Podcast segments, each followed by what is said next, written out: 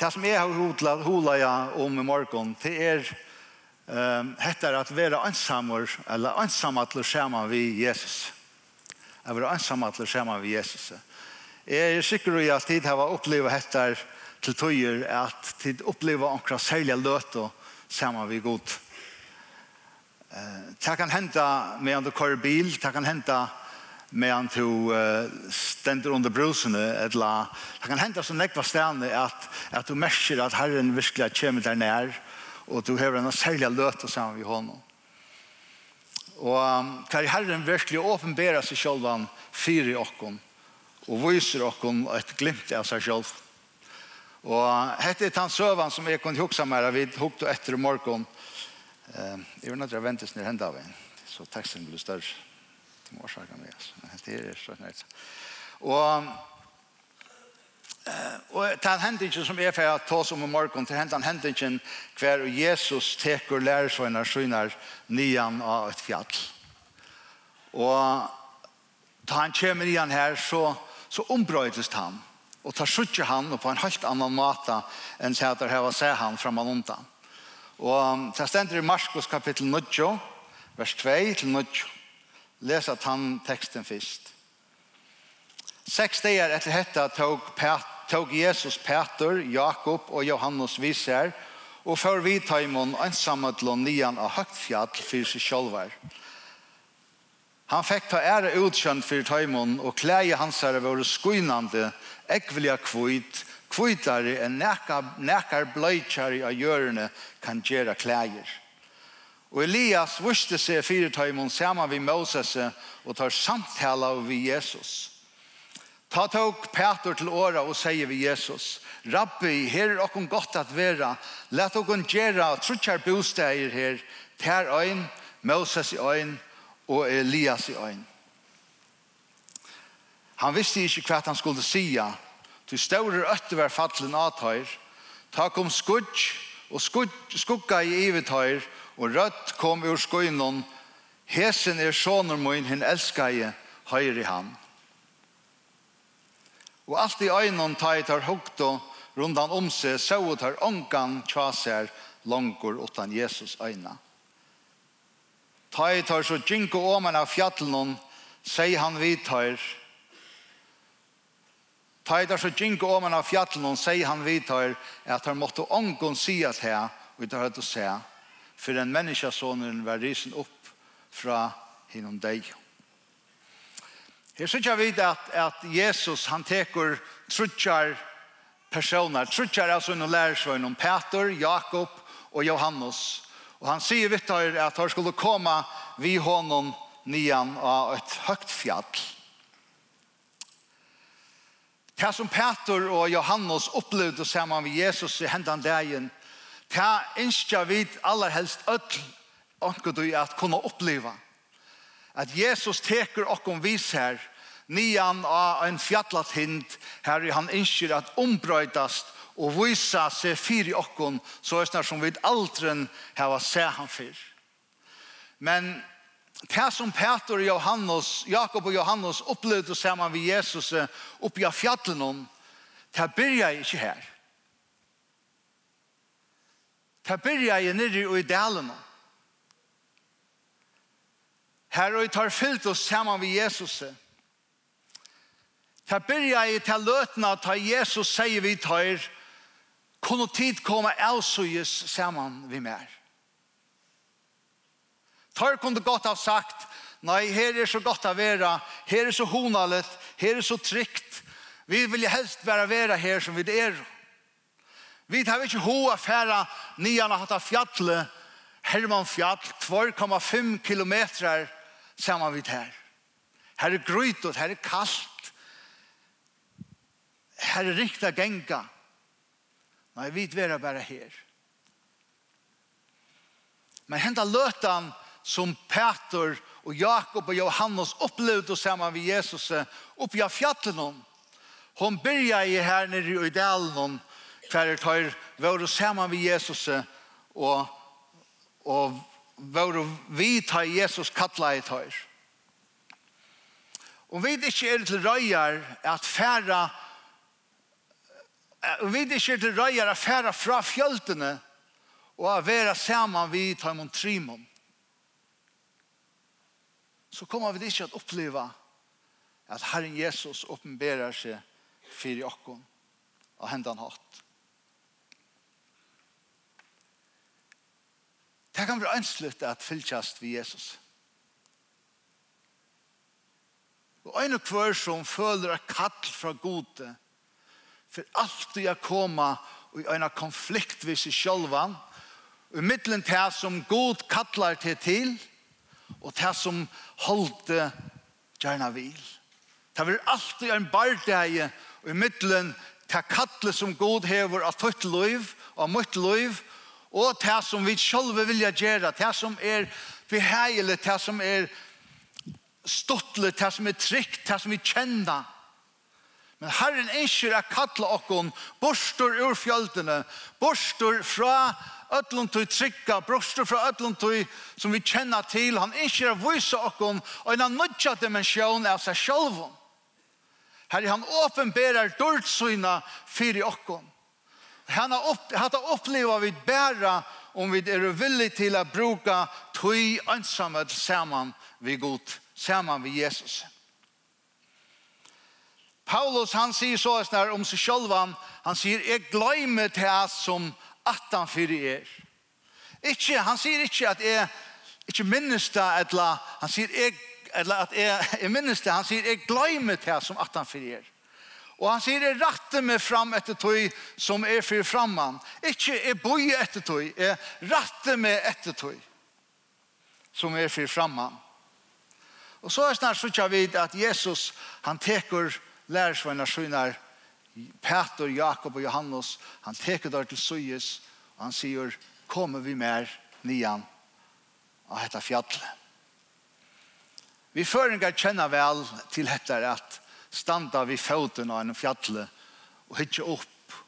Og det ser, det ser så møte mye ut.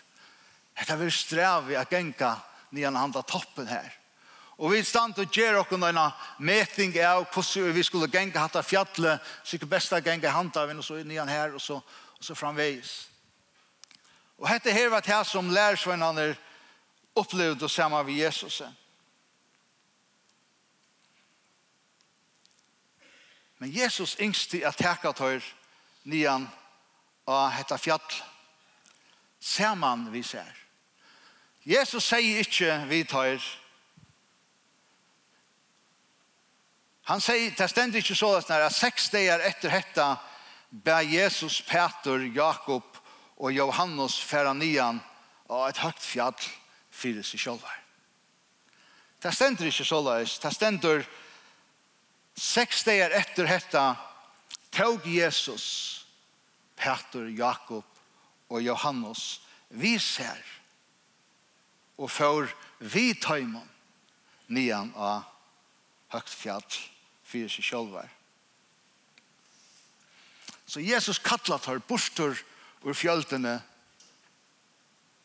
og han byr der koma upp av fjallet og ta i der fylltja honom og og gjøknon delanar, og gjøknon skorenar, og gjøknon grøytot lenti, og gjøknon kallt vevor.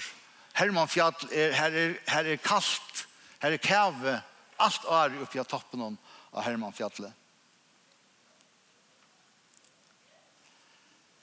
Og Jesus sier til ham ikke, til der fyllt oss sammen vi hånden nere i delen, hva det tar for at oppleve vi har så, vi, okkon damer så vel hettar at, at vi skulle vita hva det for at henta. Skulle helst få vita at, at hvis du fylgjer mer i en fjallet, så kommer du at så suttje hettar, hattar, hattar, hattar. Men Jesus sier ikke vi tar, han sier bare vi tar, her, ikke mer. Og tar fyllt til honom. Og fyrir første fyrir, Nærkantøy, så såg tar Jesus ombrøytast av fjallene. Hette har vært han samme Jesus som der hadde fylst vi nye delene. Men han var annerledes for tøymon. Nå der hadde fyllt hånden oppe i Jøkken fjallet. Og vi sykja at, at, at, at at, at, at han ombrøytes for tøymon. Johannes sier så sånn tar han Søytene skriver om hans opplevelsene. Han sier, vi så dård hans herre. Dård som henne og øynbåren soner hever ikke feir synen. och ta i Marskos røyner at, opp, at forklare okken heter om, om klægene, hvordan Jesus sa ut, så er det som om han finner ikke Han finner ikke noen år som kan lysa til fullnær hva det er i han han upplever och hur så kvöjt och kläne till hon är. Han säger och kläje hans är vår skojnande ekveliga kvöjt kvöjtare än näkar blöjtjar av görene kan göra kläjer. Så det var lika som att han klarar släck att att beskriva hur fantastiskt detta upplevelse var och hur fantastiskt och dörd Jesus är var tar han upplevde dessa dörrarna samman vid honom. Och så såg vi att at det kommer två personer nyer av fjallet, Moses og Elias, det kommer nyer og her börjar att samtala vi herren Jesus. Og det er ikke tilfellet at det er Moses og Elias som kommer nyer av fjallet. Moses var det som, det som Israels menn eh, så som, som sina forstøy. Det var her der kom fra Det var her oppbrunnet tar av er Moses og Elias og profetene. Det var alltid så det snart tar tås av. Så Moses har en øyla stor tuttning for jøtunnen. Og Elias var han som omboa i framtøyna. Tar tro ikke at Jesus var Messias. Tar tro ikke at Jesus var kommen. Og ta i tar løs og skriftene i Gamla Testamentet, så så det heter at, at, at, at Gamla Testamentet har hei lova ta i man hettar at, at Aren Messias kjemur, så kjemur Elias. Og det var eisen tøy at han tar for å ut at prata vi Johannes, så sier det vi Johannes, Johannes er to Elias, eller er to en av profeten hon, og Johannes sier, nei, jeg er ikke Elias, jeg er ikke en av profeten hon. Men søttene så gjør vi at Jesus sier om Johannes, at jo sannelig, han er Elias. Han er han som kommer skal, og som skal gjøre veien til røyer firmer. Og ta jo Israels menn sida til bors påska der, eller påska kvöld, så sett dekka tar opp til Elias, tar dekka opp til öll de som er i husen hon, og så dekka de ein talersk som stendur her, klarer til hvis nu Elias skulle komme. Tar boja framvis etter at Elias skal komme, og så skal Messias komme.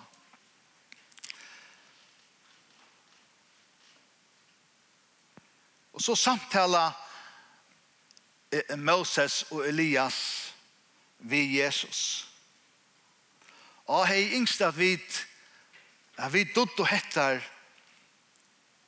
at suttje hettar at samtalenar til samtalenar som er og dyra bærar saman vi Jesus er til samtalenar tar vi færa til suje saman vi honom at vera ønsamøll saman vi honom borster fra fjøltene, borster fra larmen, borster fra ötlun rasen og i løyvi okkara, bæra for å være saman ved Jesus i ønsam ötlun, til her og i ter goddommelige samtalene er.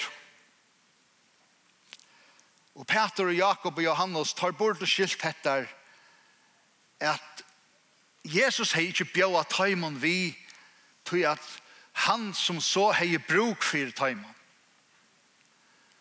Men han er bjøy at han vi for at han skulle oppleve hver og han vær. For at han skulle oppleva hver og han vær. Tar åtto at skilt hettar at jeg er ikke vi her tog at jeg skal komme vi nøkron.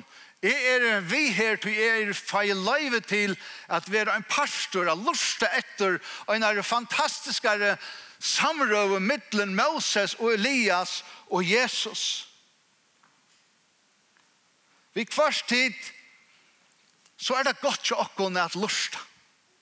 At lusta etter for at i Herren hever å sia vi okkon. Og så leser vi om at så kommer Peter inn i, oppe i løyken her. Og jeg vet ikke hva at han, om han framvis er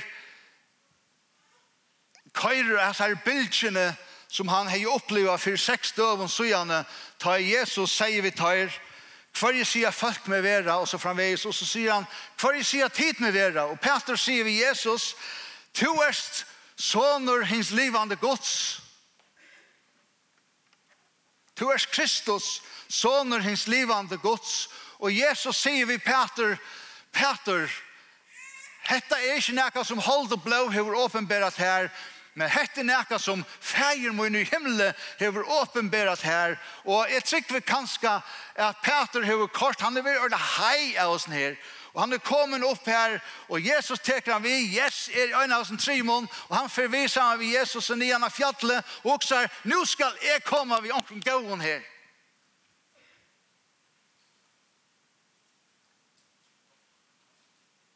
Og han sier Jesus, Jeg sier, det er godt, godt å være her, ja. Skulle ikke... Skulle ikke forbidde akkurat. Hvis vi er bygd en bostad til Tøyen, og en til Moses, og en til Elias, det er ikke fantastisk.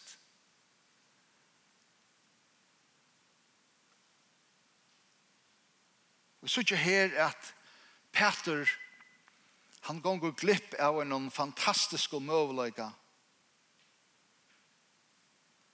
Jeg hører en samtale mellom Moses og Elias og Jesus. Jeg tror vi at en av årsøkene til at Jesus tok just Peter Visser nian av fjallet men han har bruk for at høyre hese samtalen. Så jeg vil lese i, i, i, i i en kapitel framan undan så läser vi detta att att Jesus fortäller för Petre och är och aposteln och lärsvännerna kvärt att kvært i han kvært i förra hända nu att han förra løye han förra dødja krossen och så för han rysa upp att och så så läser vi att Jesus när Peter tar Jesus till søyes og sier vi han aldrig ska detta hända till Jesus. Aldrig ska detta hända till och Jesus sier vi Petur, heter point at han har, at han har gjort to er Kristus, soner hins livande gods, som at Jesus sier vi Peter, vøyg at det om med Satan, tog to skiler ikke til som god, til atlan som god hever vi mer. Og nå teker han Jesus, nå teker Jesus Peter som øyne av Montrymon, opp av fjallet, og han lustar etter samtalene og i middelen Her nå i middelen Moses og Elias og Jesus og samtalen som tar tåsa om er hentan. Lukas sier til at tar tåsa om bostor for Jesus her at han skulle færa til Jerusalem. Så nå teker Jesus Peter nian av et høyt fjall sammen vi ser. Han hokser kanska ta han høyrer hessa samtalen så goddomlige samtaler, kanskje han tar for å skilja hva det er som er kommer her til. Men i stedet stender det at, yes, at Peter, han avbryter samtalene i middelen Moses og Elias og Jesus. Jesus kunne ha sagt til Peter, Peter, Lett vera vi er røyne bjerga situasjonen i her. Jeg vet at det er sinter fantastisk, men, men lett nå være vi å bjerga hessa situasjonene. Lusta helter etter hva det er sida. Jesus kunne ha sagt ved Peter, helt ærlig, hva er det du har finnet tilfell? Bidja tre hus her oppe. Vi er 2,5 kilometer oppe i en fjall. Kom an, Peter. Jesus kunde ha sagt vid Peter, vad ska det? Moses och Elias tar akkurat kom ur himlen och här ner. Helt till att tar att det är bygg Jesus kunde ha sagt vid Peter, att det visste näkar som ska bytja näkar här. Så det är. Er timp med oss. Du er fiskar. Peter, Jesus kunde haft, kunde ha sett Peter på plats i så lötna. Men i stegen så kommer god nyr. Og det stender at, at et skudj fjallte Jesus og, Peter, og Moses og Elias. Og det stender at at mean Peter talai. Så han sier Matteus til. Han sier, mean han enn talai kom lysande skudj og skugga i ivetøyr og ur skuinon hørtes rødt og sier, hetta er sånne moin, hin elskaie som jeg har takka til, høyr han. Høyr han.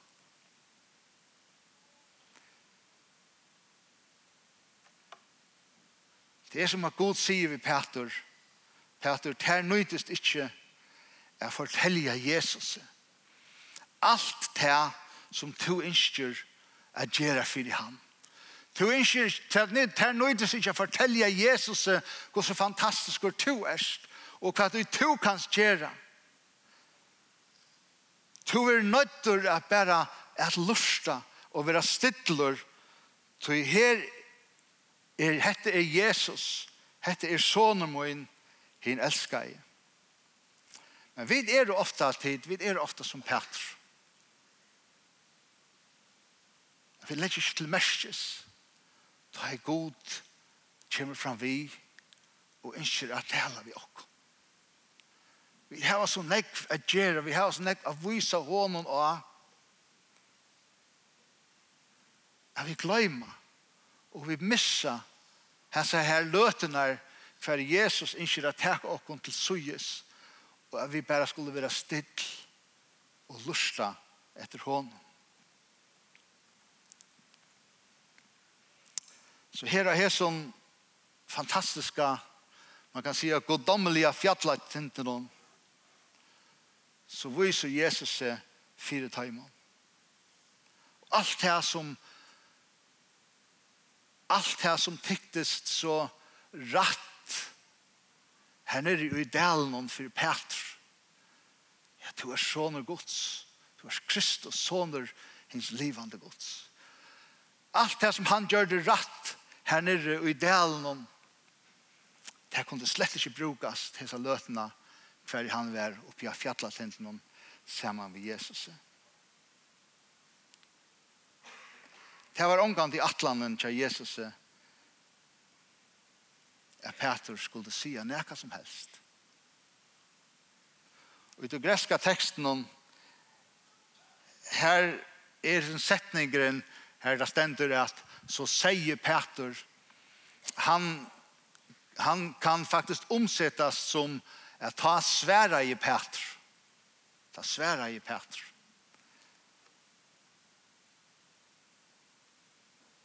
Hette det som Jesus ikke har vise okken gå tid. Så løten er ensamhet man ved Jesus. For han ikke er at åpenbæra dårdsøyna for okken og djeva okken en et løyte glimt av seg selv. For så gjerne jeg sendte okken atter i delen. Atter i og i akkurat daglig det, og atter til det som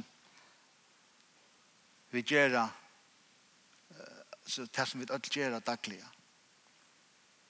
Han viser dårdsøyna fyrir okkon, og ter løtene er gått tid Ter løtene er. Sjalt om ter er å fåar kanska, men ter løtene er hver vi er ønsamme at sammen vi Jesus, sammen vi gode, Og han åpenberer seg fyrir okkom. Viser okkom søgna dård. Det her løtene som gjør at vi kommer færa av fjallatenten og nyer atter i dalen og færast hava styrke til å færast her nere i dalen saman vi Jesus. Til hæsa løtene som gjør at han det møvelet. Jeg var en affær til en Empower i City Church og hjelpte til her og så fikk jeg mulighet for jeg lurte etter en kvinne som er rått, som er blind. Hon sier en setning som jeg ofte har vi också om. Hon sier vi okkon som suttja og som ja, som suttja. Så sier hon hendan setningen hon sier okkara at okkara åttan åttara sjøen kan ofta åregva okkon og i tog okkara innare sjån, det som god innskjør at visa okkon. Han sier, ta jeg, ta jeg er i en rom, jeg kan ikke døma et menneske ut fra utskjøntene, eller ut fra vermatan, eller ut fra tog som er suttje, det er suttje ikke. Hon sier ofta så kunne okkara, kan okkara sjån åreg var okkon og i tog som vi tøy som vi gjerra.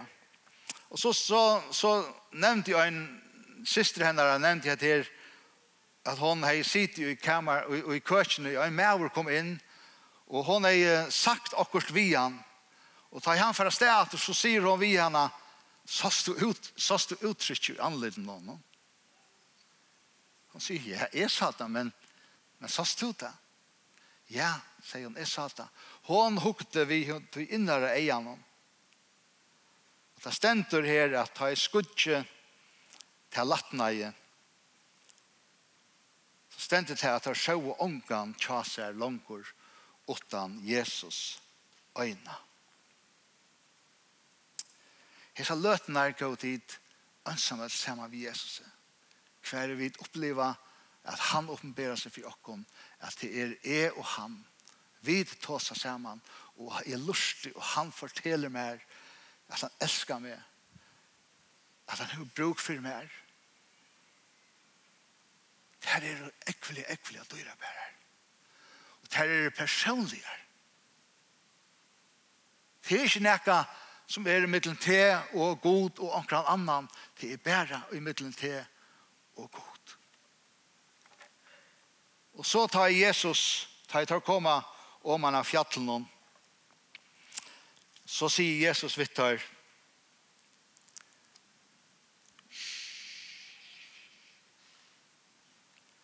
ikke fortell jeg det for nøkron. Hette er middel med og til. Hette personligt. Hette nekka, hette var en løta vidbeie, eller vidbeier, høtt sammen. Ikke fortelle det for noe. La være vi, sier han, at fære vi tog som du opplever oppi av fjallatenten og sammen med Jesus og lota til vi tøymon som er under i dalmon utan at det skal være negativt for deg. Men du har opplevd en løte sammen med her her var det for deg selv.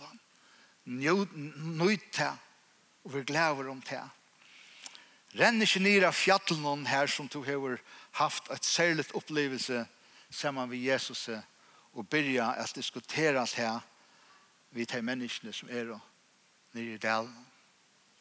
Det skiljer ikke det som du personlig har opplevd sammen med honom.